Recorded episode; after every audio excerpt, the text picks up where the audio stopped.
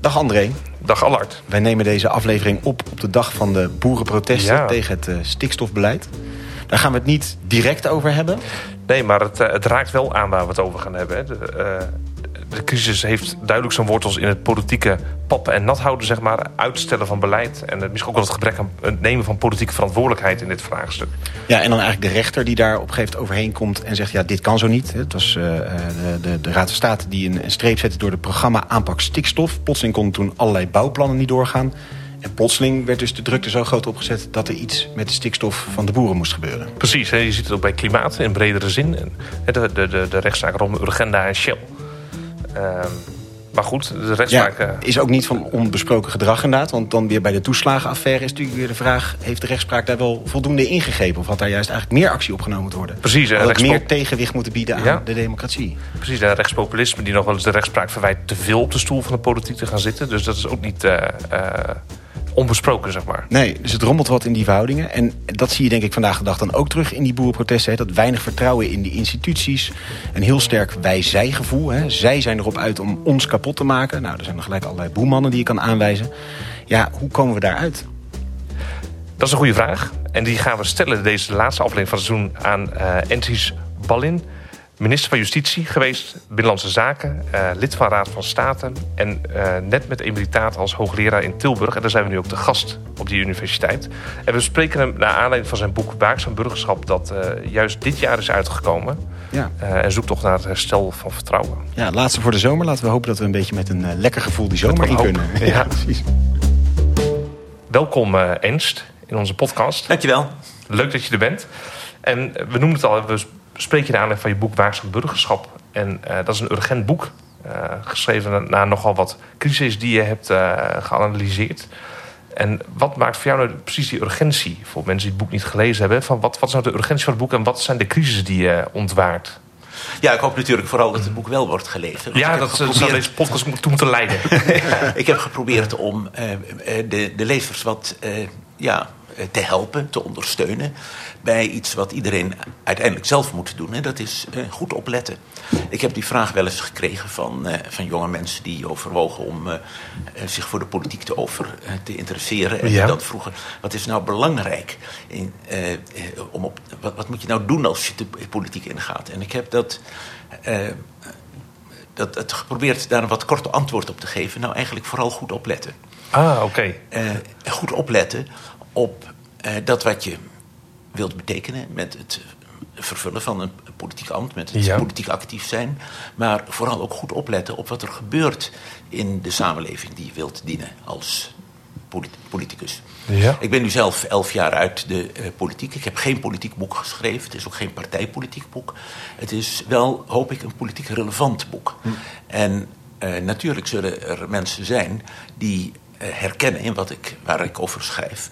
Dat ik, uh, dat ik lang politiek actief ben geweest als christendemocratisch politicus. In uh, verschillende kabinetten en in de Tweede Kamer. Maar ook op een andere manier betrokken bij ons publieke bestel. Bij ons uh, constitutioneel bestel in de wetgeving, in de rechtspraak. Um, ja, en uiteindelijk ook weer als docent en onderzoeker. Ja, en en ja. opletten inderdaad, gebeurt dat in onvoldoende mate? Het feit dat, dat, dat je het moet noemen als tip geeft aan dat het blijkbaar niet vanzelfsprekend is om goed op te letten. Nee, helaas niet. En daar geef ik wel wat voorbeelden van. Want uh, we hebben, uh, dit boek is geschreven in een periode waarin we te maken hebben met een veelvoud van crisis. Uh, crisis die van nabij lijken te zijn gekomen, zoals de, de toeslagencrisis. Maar ook crisis die zich over de hele wereld uitstrekken. En de eerste van die grote, toch veel mensen aan het denken zettende crisis was wat er in 2007, 2008 gebeurde met de banken en het financiële systeem. Begonnen in de Verenigde Staten, ja. maar eh, met eh, grote effecten, ook in Europa, ook in Nederland, ook in andere landen. Um, je kunt hierbij natuurlijk ook denken aan de volkshuisvestingscrisis waarmee we te maken hebben. Die in Nederland heel erg doorwerkt in de, in de politieke verhoudingen, in, ja. ook in de acceptatie van de politiek. Een heel negatief indirect effect heeft op de manier waarop een deel van onze samenleving naar vluchtelingen en andere migranten kijkt. Ja, ja. je kunt denken, je moet denken, zeker ook aan de pandemie die ehm, ons land en de hele wereld heeft getroffen, de COVID-19-crisis. Uh, je moet zeker ook denken aan de crisis in de internationale veiligheid, die naar het gevoel van, uh, van veel mensen is begonnen in uh, in februari van dit jaar met de inval in de Oekraïne. Ja, maar natuurlijk veel langer. Februari, maar ja. veel langer. En dat geldt ook voor de klimaatcrisis. Ja. En alle daarmee verbonden uh, crises die, die te maken hebben met, met landbouw en productiemiddelen en reizen en dergelijke, dergelijke meer. En voor alle crises die ik noemde geldt dat er mensen waren gezaghebbende mensen die wisten waar ze het over hadden, bedoel ik nu. Niet in de gezag in de politieke zin, maar inhoudelijk gezag. Ja. Die eh, al jaren geleden, al decennia geleden, erop hebben gewezen dat er iets zich aftekende dat ernstige gevolgen kon hebben. En natuurlijk geldt voor al die dingen, denk aan jaren 80, eigenlijk al eerder jaren 70, wat er is gezegd over de aantasting van het, uh, van het uh, wereldklimaat en milieu. Ja. Um, uh, daar is op gewezen, gewaarschuwd, gezegd dat er dingen moeten veranderen. Maar daar werd geen acht op geslagen. Met heel vaak wat dan gemakkelijke beschouwing. Ja, dat kan zijn dat het daartoe leidt, maar misschien valt het wel mee. Um, de volkshuisvestingscrisis, gerelateerd ook aan aspecten van de financiële crisis. De uh, Raad van State heeft begin van deze eeuw in het voetspoor van uh, van uh, rapporten van de OESO en anderen erop gewezen dat de omvang van de hypotheekrenteaftrek ja.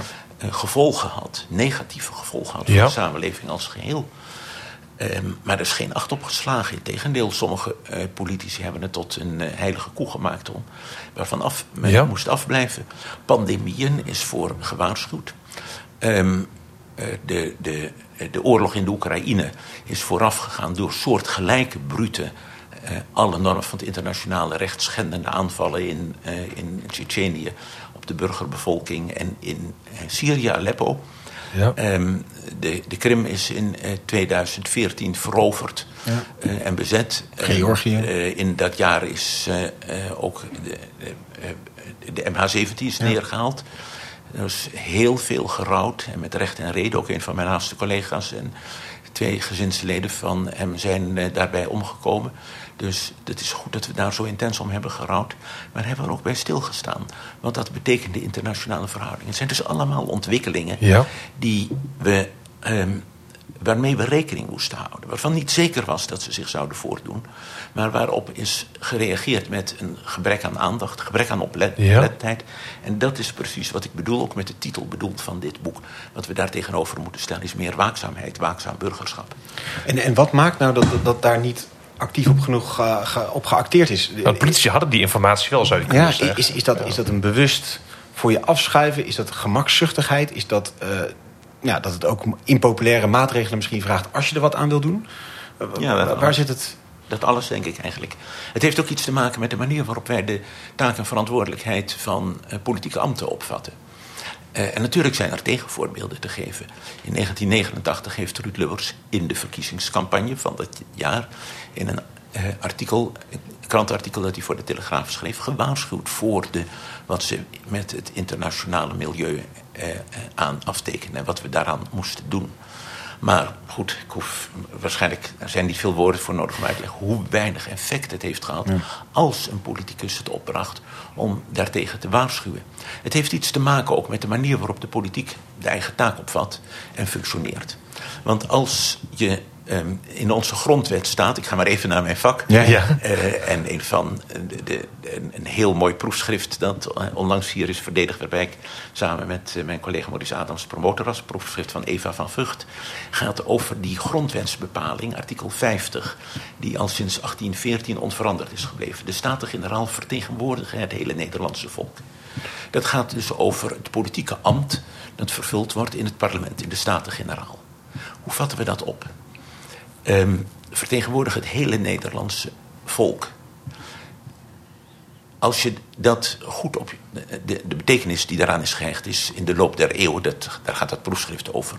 In de loop van de meer dan twee eeuwen sinds die bepaling is opgenomen, heeft zich ontwikkeld. Ja.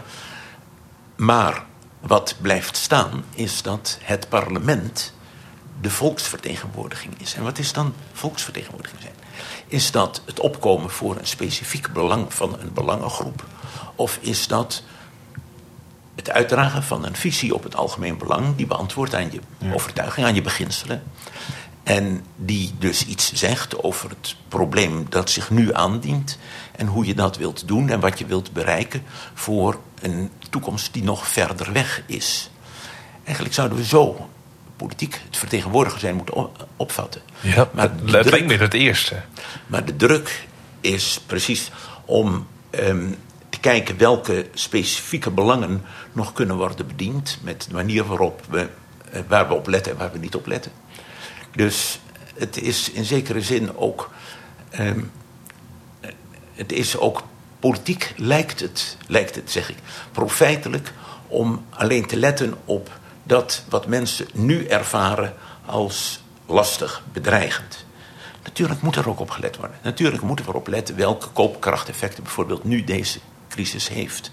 Maar we hadden in ieder geval eerder al op kunnen letten welke Ehm, aan welke risico's we ons blootstellen met zo afhankelijk worden van Russische gasleveranties. En dat is, voorbeeld, de Adviesraad voor Internationale Vraagstukken heeft in 2014 een advies uitgebracht over de gasafhankelijkheid van Rusland. Kijk nog eens naar het kabinetstandpunt van toen, 2014. Eigenlijk werd dat advies weggelegd met de redenering. Het is toch mooi als we economisch wat, wat eh, voor elkaar kunnen betekenen. Want dat heeft een. Dat, dat was, dat was de reactie. En Steun naar Rusland, ja. Dan hoef je mensen niet te confronteren met iets dat we nu misschien moeten opbrengen. Moeite die we nu moeten doen om erger in de toekomst te voorkomen. En als je in je campagnes alleen maar let op belangengroepen die je wilt bedienen. en de beginselen naar de achtergrond verdwijnen. en de lange termijn oriëntatie. ja, dan gebeurt dat. Ja. ja. En, en, dit alles zou je nog kunnen zeggen is een, is een kritiek op de handelende politici over het parlement, wat te veel deelbelangen vertegenwoordigt. Eh, welke andere instituties vertonen crisis? Of is het wel echt in het, de, de, de politici die eigenlijk die kamers vullen? Of, of zit het ook wel in de instituties zelf waar iets niet goed Nou, ik heb eigenlijk geen kritiek op de politici willen schrijven. Ik heb een kritiek willen schrijven op de manier waarop um, de politiek wordt opgevat. En uh, dat is dus niet alleen iets van de politici. Hm. Want um, als um, degene die de politici kiezen hun prioriteiten stellen bij wat er in het de nieuwsberichten, de zogenaamde sociale media van de dag um, naar voren komt. En daarop hun, um, hun, hun angsten of hun, hun, hun, ergernis uh, richten. En er zijn een heleboel zeer terechte angsten en ergernissen. Ja, angsten, zijn, angsten zijn gevoelens, kun je eigenlijk niet zeggen van dat ze terecht zijn. Maar er zijn terechte ergernissen. Ja. En er zijn begrijpelijke angsten en zorgen. Maar als in het in dat wat zich afspeelt, in de communicatie tussen politici en burgers, niet eh, meer aandacht wordt besteed aan dat waar we ook op moeten letten. Niet in plaats van die zorgen van alle dag. Eh, want eh, eh, uiteraard is politiek en bestuur ook daarvoor, voor de zorgen van alle dag. Maar om te voorkomen dat in onze bezorgdheid voor alle dag we grotere problemen voor de toekomst veroorzaken, moet er ook verder worden gekeken. En dat dat niet gebeurt, is niet iets dat ik nu als een, um, een gemakkelijke kritiek op de politiek neerschrijf. Nee, nee het is een, een, een, een ja, een uh, kritische, of hoe je het ook wilt omschrijven, een, uh, in ieder geval een uh, hopelijk ook inspirerende, stimulerende beschouwing over wat democratische politiek wel kan betekenen. Ja. Want je zou natuurlijk kunnen zeggen dat ook de burger heeft, die, heeft deze vorm van politiek bedrijven beloond. Uh, in verkiezingen in de gang aan de stemmers. Ja, Aristoteles, ik haal hem ook aan in dit boek, die heeft al geschreven, eigenlijk, als we het over politieke deugden hebben, zijn dat dezelfde voor de burgers en voor hm. de bestuurders. Ja. Ik denk dat dat een heel waar woord is. En ik, ik probeer het ook voor ogen te houden, want um, het, het, zou ook veel te gemakkelijk zijn om te zeggen dat nu de politiek of bepaalde politici er de schuld van zijn dat dat niet is gebeurd. Nee, nee het is de, de hele manier waarop we ons verhouden tot heden en toekomst. Uh, die hier aan de orde is. En het is ook een eis eigenlijk. En dat, een paar hoofdstukken in dit boek gaan over, over mensenrechten. En het gaat er ook over hoe we mensenrechten opvatten. betrekken we die alleen op onszelf, op onze onmiddellijke ehm, ervaring. Vatten we dus eigenlijk mensenrechten op als egorechten. Wat sommigen hebben gedaan, ook rondom de COVID-crisis heb je dat gezien. Dan wordt gezegd van ik, ik, ik wil mijn vrijheid, ik wil geen mondkapje dragen, ik wil geen vaccinatie, ik wil mijn, uh, mijn gang kunnen gaan. Maar de vraag, en die wedervraag had best vaker en krachtiger gesteld mogen worden. Wat betekent dat dan voor anderen die misschien een besmettingsrisico lopen dat jij wilt nemen, maar die een gezondheidstoestand hebben waardoor dat voor hen zeer bedreigend is. Wat betekent dat voor de kinderen die naar school moeten kunnen gaan? Want het heeft, is allemaal heel erg ingrijpend geweest voor kinderen die niet naar school eh, konden gaan. En trouwens ook voor, voor, voor anderen die geen onderwijs kunnen krijgen. We hebben het hier ook op de universiteit gemerkt. Ja. En, ehm, dus je moet mensenrechten niet alleen opvatten als de recht om voor je eigen vrijheid op te komen. Dat mag natuurlijk. Maar ja. moet dit het enige zijn. Het moeten ook medemensenrechten zijn. En die medemensenrechten, dat zie je ook in de nieuwe, nieuwe rechtspraak, in de rechtspraak van het Duitse Constitutionele Hof. En eigenlijk ook in dat van onze eigen Hoge Raad. Ja. En uh, die, die mensenrechten gaan, uh, gaan over, over de toekomst. Dat is iets. Kijk, ik heb dit boek niet alleen willen schrijven als een, een kritiek, maar ik heb het vooral willen schrijven als een handreiking voor mensen die actief betrokken en ook in eigen verantwoordelijkheid betrokken willen zijn bij politiek. Burgers en politici evenzeer.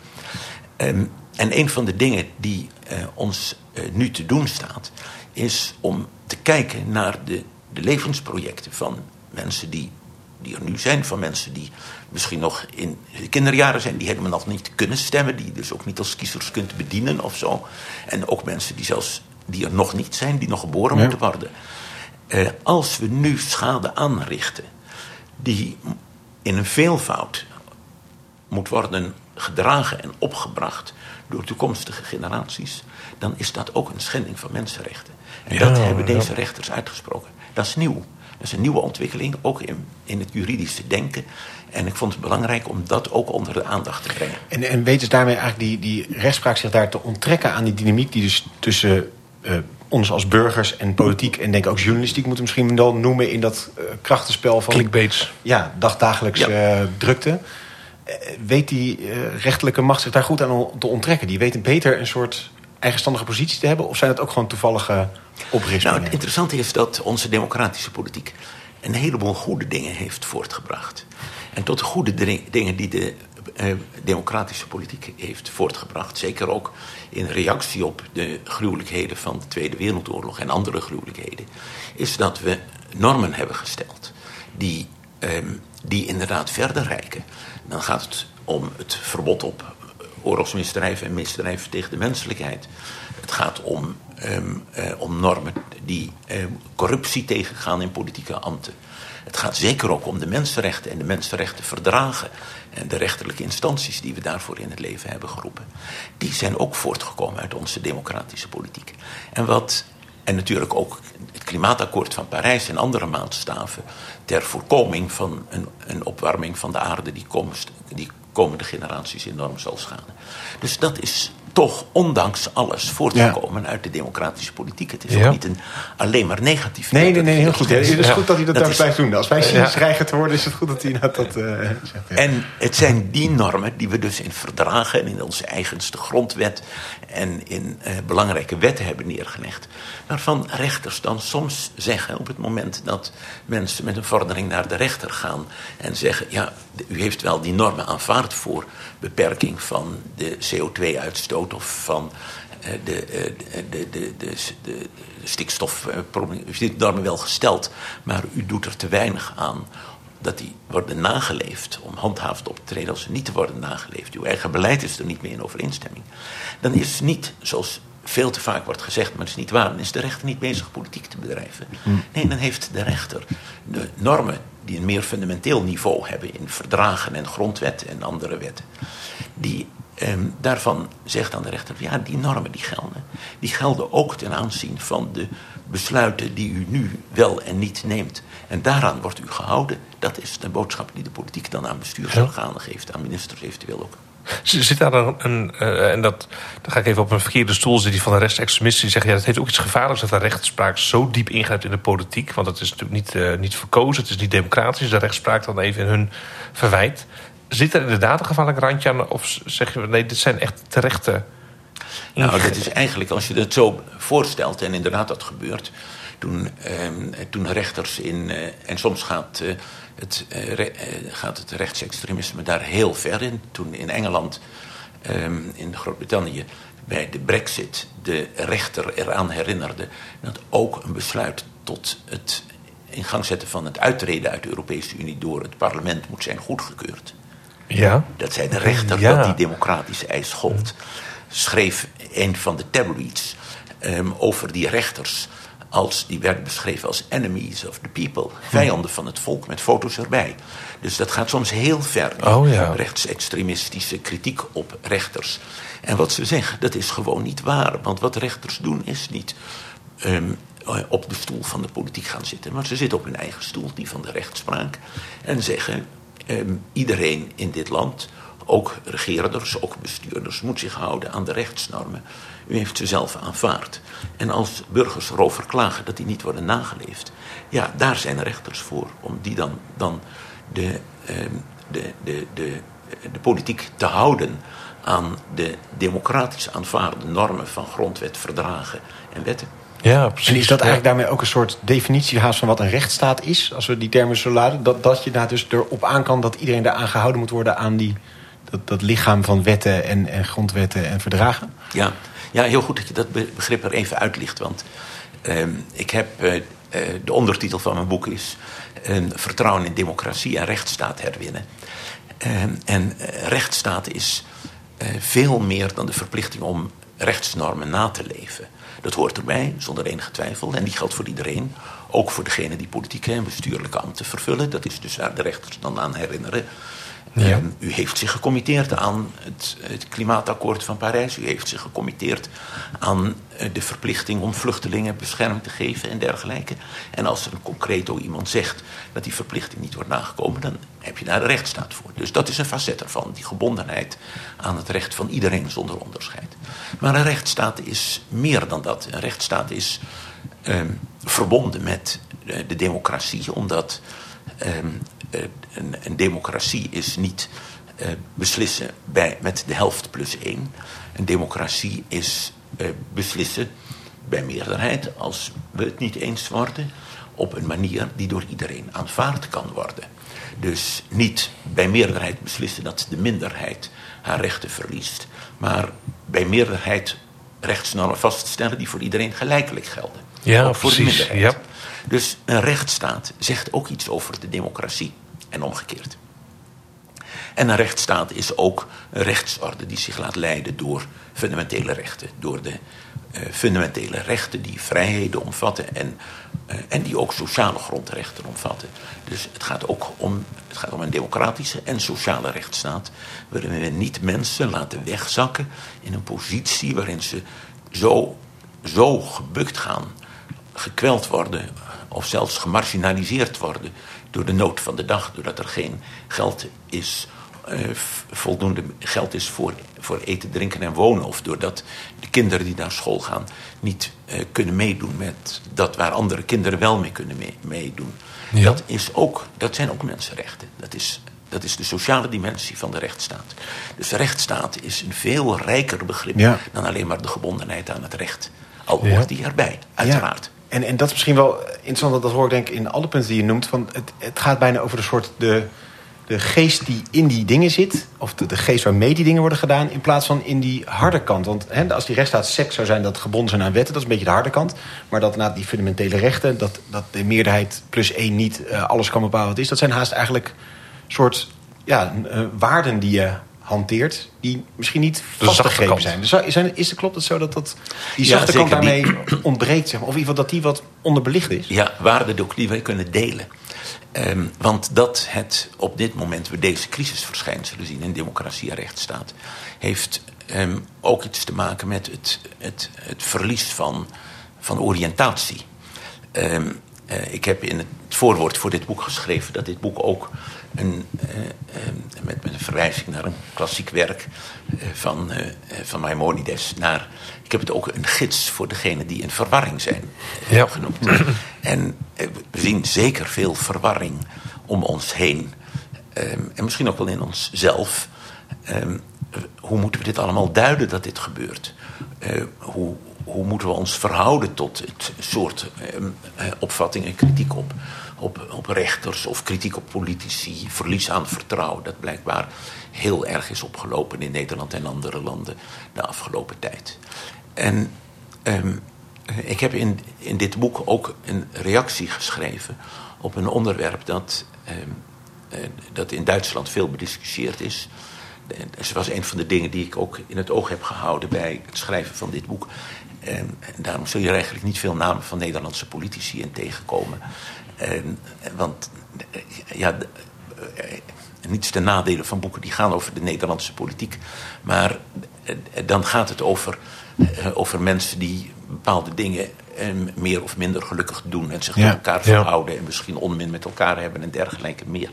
Maar dat is allemaal niet de kern van de zaak. En eh, zo, eh, Nederland onderscheidt zich ook niet in deze crisis. Ehm, in deze crisisverschijnselen echt van andere landen in West-Europa of zelfs... Ten positieve nog ten negatieve. Niet positief en niet negatief in. Uh, je ziet uh, op verschillende manieren zich manifesteren. Maar Duitsland, Frankrijk, België, Italië, ehm, ehm, het, eh, Engeland, eh, de Verenigde Staten, eh, Denemarken. We zien vergelijkbare ehm, crisisverschijnselen in, in allerlei landen. En de landen in Afrika, Azië en Latijns-Amerika hebben nog weer met heel andere en vaak buitengewoon ingrijpende bedreigende crises te maken. Um, uh, en, en sommige mensen vragen zich af, en dat is een hele discussie in mijn vakgebied, het constitutionele recht geworden, van kan eigenlijk een, democratie uh, die zich laat leiden door constitutionele normen, zoals uh, machtsscheiding, verdeling van machten in ieder geval, en verantwoordingsplichten en onafhankelijke rechtspraak en dergelijke, kan die mensen nog wel voldoende binden, voldoende bijeenbrengen ja. in een tijd waarin godsdienstige levens beschouwelijk um, uh, er zoveel verscheidenheid is, zoveel. Uh, ja, de, de gedachten, de, de overtuigingen van mensen zoveel kanten uitgaan? Of is dat iets dat eigenlijk alleen maar zou hebben kunnen voortbestaan als we een soort gemeenschappelijke uh, overtuiging ja. hadden? Ik denk dat dat een heel belangrijk onderwerp is. Ook zeker een onderwerp dat mensen die zich verbonden voelen met de christendemocratische beginselen, zoals ik, zich moeten aantrekken. Want er wordt ons eh, dan vaak eh, eh, verweten dat we geen scheiding van kerk en staat accepteren en dergelijke. Natuurlijk doen we dat wel. En niet, eh, niet net pas, maar eigenlijk al sinds de oprichting van de, eh, of heroprichting na de Tweede Wereldoorlog van de politieke partijen waar het CDA uit is voortgekomen. Natuurlijk, uh, we eh, we accepteren niet alleen de scheiding van kerk en staat, we willen die ook. Het is een kwestie van beginselen. Dat je niet anderen op basis van jouw godsdienstige of levensbeschouwelijke overtuiging normen oplegt. Die, ehm, eh, die, die voortkomen uit je geloofsovertuiging. Ja.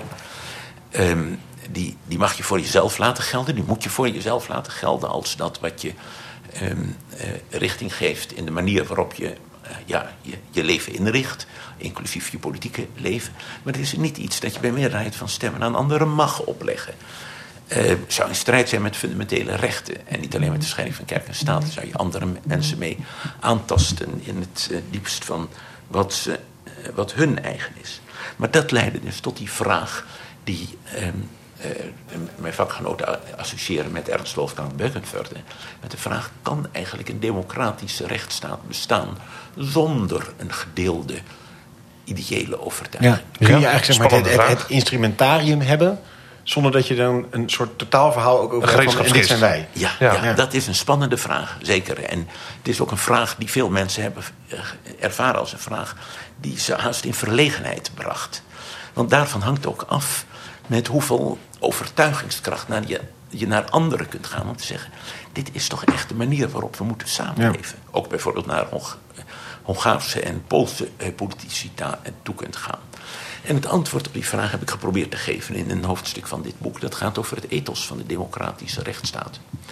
En mijn antwoord is, is ja. Dat, eh, zoals je misschien al voelt aankomen. het antwoord op die vraag is ja, uit volle overtuiging. Ja. Uh, het kan niet alleen, het moet ook. Als je ziet, doorziet dat een democratische rechtsstaat een constitutionele levensvorm is, die anderen zonder onderscheid wil respecteren die wil voorkomen dat mensen worden uitgesloten op basis van wat ze qua afkomst, qua religie of levensovertuiging, qua sociale status of opleiding eigen is. Als je uitsluiting van mensen wilt tegengaan, als je dus wilt dat je een staatsbestel hebt dat iedereen gelijkelijk in haar of zijn waardigheid respecteert, dan is dat het ethos van de democratische rechtsstaat. Ja. Dus dat is de reden waarom ik eh, het antwoord ja argumenteren in het hoofdstuk van dit boek. Dat gaat over het ethos van de democratische en sociale rechtsstaat. En dat is de basis voor dat denken in een hele pluriforme samenleving, zeg maar, hoe je dan toch ja. iets kan hebben wat samenbindt, zeg maar. Ja, als je, als je dit boek leest, dan zul je merken dat dat in het midden van het boek staat. Ik begin dus met, het, uh, met een analyse, met een proberen te begrijpen, ook uit veranderingen in de economie, in de manier waarop de samenleving eh, functioneert, de economie functioneert.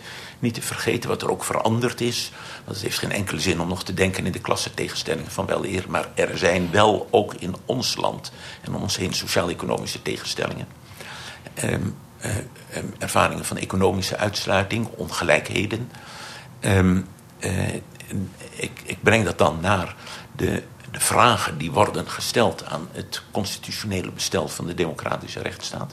En dan is het het hoofdstuk over het ethos van de democratische rechtsstaat eigenlijk het centrale stuk erin. En daarna ga ik naar de mensenrechten in die brede sociale eh, betekenis ook, die gerichtheid op de toekomst, op levensprojecten van mensen. En dan kom ik bij de vragen, en hoe kunnen we ons daartoe verhouden? Wat kunnen we daaraan doen? Eh, opletten dus, ja, ja. waakzaam zijn. Ja oog hebben, interesse hebben voor de zwakke signalen dat er iets aan scheefgroei zich aftekent. En je politieke denken, je politieke verantwoordelijkheid niet beperken tot de groep die geneigd is op jou te stemmen als je in de politiek staat. Maar, ehm, eh, en natuurlijk mag je eh, eh, als politicus oog hebben voor degene die, van wie je weet dat ze jouw achterban zijn en van die van jou verwachten dat je hun belangen niet uit het oog verliest. Maar het gaat altijd om hun belangen in verhouding tot het geheel waarmee onze samenleving toekomst heeft. Ja. Maar zijn er voldoende mensen uh, begeestigd over die democratische rechtsstaat? Eh, zijn er genoeg mensen die, die daar... Um, geen voetbalclub bedoel je? Nou ja, precies. En uh, als je kijkt waar zeg maar, veel energie zit... Uh, ja, niet positief in mijn ogen, maar is natuurlijk in het exclusievere verhaal van Nederland. Hè? Een blank eh, dominant Europa. Ik, ik weet wel, hè? Eh, daar lijkt veel kracht heen te gaan. Van, eh, hè, we moeten ergens uitsluiten. We moeten eigenlijk weer terug naar die, dat ene verhaal over Nederland. En daar werkt die democratie goed voor en die rechtsstaat. Zijn er genoeg mensen die zeg maar, los van dat metaverhaal... toch met een enthousiasme kunnen praten over die, die, die rechtsstaat? Oh ja, die zijn er. En ik denk als ik jou met deze vraag hoor, dat je daartoe behoort. Nou ja, dat is. ik, moet nog even het verhaal zoeken. Maar, nee, maar het, want het, het, voelt natuurlijk ergens: is het, is het minder krachtig dan na het boos de barricade opgaan voor jouw deelbelang. Maar hier moet je eigenlijk zeggen: jongens, toch prachtig dat we met elkaar hier allemaal kunnen wonen. Maar het is een. Het vraagt zoveel nuance. En, ja, ja. Het, is een wat, wat trager en wat. Ja, wat, wat, nou ja, wat, betekent dus je niet. Moeizamer verhaal. Het begint natuurlijk met je niet verheven voelen bij dat soort eh, zorgen. Waarvoor. Ehm, eh, daar mag je je niet boven verheven voelen. Maar je moet wel die zorgen. Ehm, eh, op een manier ehm, verstaan en beantwoorden die niet ten koste gaat van andere groepen. Dus ik denk dat dat eigenlijk het kernpunt is. Ehm, je kunt zeker enthousiast worden voor een taak die je ziet en die je misschien wel bij je komt doordat mensen zich tot jou hebben gewend omdat ze ergens slachtoffer zijn geworden van de kindertoeslagencrisis, ehm, van de eh, van de verwaarlozing van, uh, van lange termijn effecten van dingen die verkeerd begonnen zijn. Van verwaarlozing van de infrastructuur, waarmee we ook andere, waarmee we ervoor kunnen zorgen dat er ook in de economie voldoende cohesie is in dit land. Daar kun je zeker eh, met, met eh, of mensen die hier komen omdat ze eh, op de vlucht zijn voor voor vervolging of voor andere noden in hun landen van, van herkomst. Dus daar kun je mee engageren. En ik zie heel veel mensen die zich engageren. In het jaar waarin allerwege werd gesproken van de vluchtelingencrisis, was er hier in Brabant wel een wachtlijst van mensen die de vluchtelingen wilden helpen. Ja, precies. Dus ja. Die, die mensen zijn er. En dan is denk ik de kunst, en dat is ook goed waarom we er hier over spreken in deze podcast. En met eh, eh mensen die een politieke interesse hebben, die daarnaar luisteren. Dan is het onze taak om te proberen die zorgen, angsten, ehm, die onzekerheid over de toekomst voor volgende generaties, voor kinderen, kleinkinderen, neven en achternichtjes, om die, eh, om die te verbinden met het besef dat, het, dat we daar alleen een goed antwoord op kunnen geven als Nederland en de Europese Unie. Uh, ja, en uiteindelijk, we leven nu wel in de tijd van die gruwelijke oorlog, de internationale rechtsorde bescherming bieden aan degenen die in de verdrukking komen, aan kwetsbare mensen. Ja. Eigenlijk is er, want het, het, woord diversiteit valt vaak in het boek. Ja. Uh, eigenlijk is dat, dat, dat lijkt een beetje zo'n centrale vraag te worden. Voor hoe verhouden we ons tot die diversiteit? En terwijl dat een kracht kan zijn voor de samenleving, lijkt het tegenwoordig ook wel. Of is het soms wat een verzwakking van dat, dat, we gewoon, dat het polariseert? En hoe zouden we binnen die diversiteit weer dan dat ethos of dat ja. verhaal uh, kunnen herwinnen? Ik denk dat het veel meer tot de natuur van mensen behoort om diversiteit te accepteren dan een eenvormige identiteit. Dat is iets dat mensen zich laten aanpraten. En misschien okay, is het ook ja. wel begrijpelijk dat ze het zich laten aanpraten als ze zich in nood voelen. En, um, en, ze, uh, wordt, uh, ze, en ze zich. Um, uh, en hun wordt wijsgemaakt dat het die anderen zijn, hun vijanden die ze dwars zitten. En dat zij behoren tot een unieke groep die eigenlijk juist beter is dan die ander, maar te veel te lijden heeft van hun vijanden, van vijandige groepen. Ja. ja dat is dus ja. het redeneermodel van, van alle extremistische bewegingen. En die, um, en die uh, proberen dan aan um, mensen het gevoel te geven dat er één allesbepalende identiteit is waarvoor ze, um, die, die de hunne is en uh, die ze tot gelding moeten brengen ten koste van om eh, omdat die anderen ze zouden dwars zitten. Maar mensen die een beetje eerlijk zijn met zichzelf. Amartya Sen heeft daar zo mooi over geschreven. De Nobelprijswinnaar van de economie die uit India afkomstig eh, is. Die heeft gezegd van als je nou eerlijk bent met jezelf. Dan, dan is jouw identiteit veel complexer dan dat je alleen maar een, uh, een man bent met een bepaalde herkomst en een bepaalde huidskleur. En misschien een inschrijving bij een kerkgenootschap of niet. Um, dan weet je dat er in, jou, in jouw herkomst ook. En als het niet in je herkomst is, wel in je omgeving, in je vriendenkring, in je familie of degene die je in je werk tegenkomt. Dat er ook iets zichtbaar is van andere herkomsten en culturen en dergelijke. En dat je daar wat van hebt geleerd. En misschien ook wel eens iets hebt geleerd als iets dat je niet wilt overnemen. Maar ook dan leer je ervan. Of ja, en daarmee is het eigenlijk ook een, een, een, een tekort doen aan jezelf haast... door jezelf zo vast te zetten in zo'n monolithische uh, identiteit. Ja, ja, je zegt het beter dan ik het misschien zou kunnen zeggen. Je zet jezelf vast. Nee, ik vind het een ja. heel, heel goed gekozen woord. Je zet jezelf vast als je je zo'n monolithische identiteit laat aanpraten. En als je, op het moment dat je oog hebt voor de diversiteit... die ergens ook in ieder mens aanwezig is... dan kun je ook meer interesse opbrengen voor, uh, voor, voor anderen. En die niet als vijanden zien. Ja. En dan kun je best nog wel eens aan iemand vragen... waar kom je vandaan of waar komen je ouders vandaan. Maar niet als eindpunt van een gesprek... oh, nu weet ik waar je vandaan komt... en nu draai ik me om en wil ik niks meer met je te maken hebben. Maar dan kun je ook nog verder vragen en zeggen... en wat, en wat, wat heb je meegebracht? En wat... Um, uh, wat kan ik voor jou meebrengen? Ja, ja het verrijkt. Ja, nou ja, dat hoort ook bij het ethos van de democratische en sociale rechtsstaat. Een andere manier van je tot elkaar verhouden in de wetenschap... dat we wel allemaal in hetzelfde schuitje zitten. Dat Nederland heet en Europa ja. of wereld. Ja, heelal. De oproep is denk ik duidelijk dat we hier allemaal een eigen taak in hebben. Stel deze hele praktische vraag ook helemaal aan het begin van dit seizoen aan Beatrice de Graaf. Van wat, waar te beginnen, zeg maar, als samenleving als geheel. Deze podcast is een mooie start. De mensen die het luisteren zijn allemaal goed mee bezig, die horen het nu ook. Maar eh, op welke andere manier kan dit uh, gedachtegoed breder doordringen in de samenleving? Of ja, misschien ook wel, hoe gaan wij als dertigers... Ja. Uh, ik weet niet hoe oud de gemiddelde luisteraar is... maar wij zijn in ieder geval bij de dertigers. Van wat, gaan wij, wat kunnen wij nu concreet gaan doen? Of is het, maak ik het dan te plat, Allard? Ja, nee, dat, dat ja, nou ja, ik hoop vooral dat iedereen die dit, uh, met wie ik erover spreek en die uh, leest wat ik uh, in, in dit boek over waakzaam burgerschap heb geschreven, dat hij het vooral oppakt als een toerusting. Want iedereen moet het wel zelf doen. En we hebben het heel vaak over toerusting in de cursussen be, burgerschapsvorming die op school worden gegeven. En daarin viel traditioneel heel veel accent, sterk accent. Dat is ook in rapporten geconstateerd op de manier van met elkaar omgaan in de klas, op school, eh, thuis, misschien in het werk ook. Maar het is ook een manier van met elkaar omgaan in onze samenleving als geheel. Van kijken naar andere mensen die je nog niet hebt ontmoet. Kijk, daar is het recht tenslotte voor uitgevonden. Je hebt het recht niet nodig als je in, in een kudde van mensen die elkaar allemaal in persoon kennen, weten wat voor wat je van elkaar kunt verwachten. Daar heb je eigenlijk geen rechtsnormen voor nodig. Nee, vader lost maar, het gezin wel op, of moeder, of... Uh... Nou ja, liever samen. Ja. Maar het is... Zal veel zeggen dan, weet ja, ja, ja, ja. Maar je hebt het recht nodig om te kunnen omgaan en samenleven met mensen die je niet persoonlijk kent. Dat geeft je de vertrouwen. Ja. En, en als je, eh, je kunt je dus ook een betrouwbare medeburger tonen, doordat je laat zien dat je daarna wilt richten. Dat betekent dat in het burgerschapsonderwijs um, ook wat meer aandacht voor constitutionele vragen over rechtsstaat en democratie van belang is. En dan gaat het me niet om de organogrammen van ons staatsbestel. Prima om die te tekenen en te weten dat de Tweede Kamer iets anders is dan de Eerste Kamer en dergelijke. Dat is allemaal best belangrijk.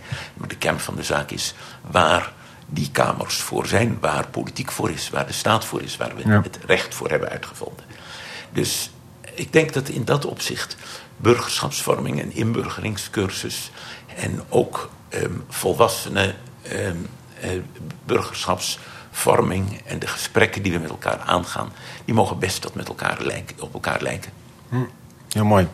Hartelijk dank. Ik denk je net mooi, mooi oproepen ja. om, om die geest eigenlijk in die instituties goed te krijgen. Nou, dat, het kan niet alleen met een draai, het is geen draaiend motortje waar we geen aandacht aan moeten geven. We moeten waakzaam zijn en ja, die, die, die uh, democratische rechtsstaatsgeest moet er ook zeg maar, eigenlijk in zitten. Dat hoor ja. eigenlijk een beetje. Ja, ik, ik, moet mezelf persoonlijk rekenschap ja. geven van het algemeen belang. Ja. En daar moet ik me, uh, de, zo moet ik me ook gedragen, zeg maar. Precies. En die instituties op zichzelf gaan het niet redden als wij niet daar met een nee. bepaalde uh, ja, bredere blik op het algemeen naar kijken. Ja. Dank u zeer. Ja, hartelijk dank. Dank jullie wel. ja.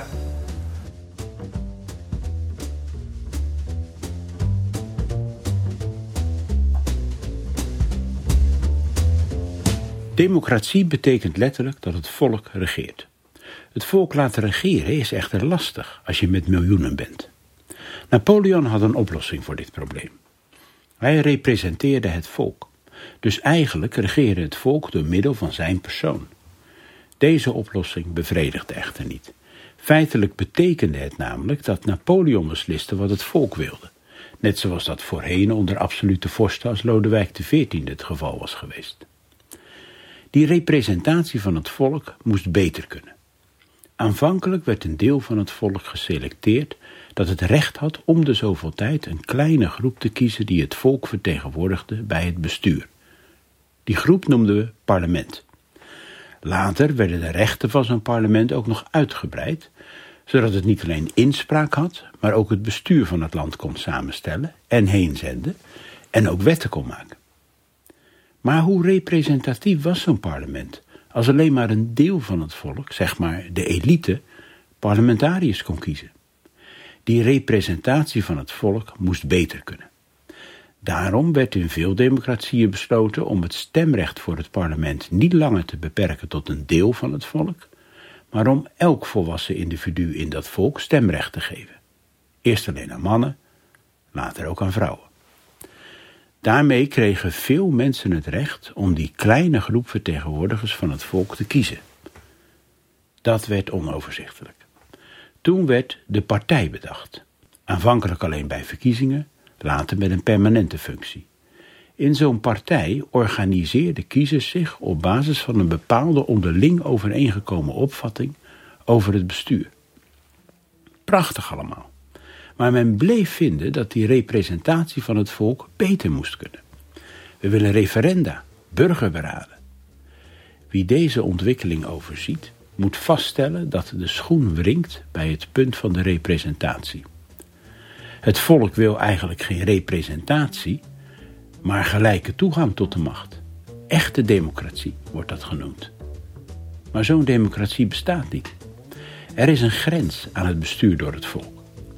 Democratie functioneert uiteindelijk niet doordat het volk de hele dag voor burgers speelt, of door het verwerven en delen van alle macht door het volk, maar doordat het volk buigt voor het gezag.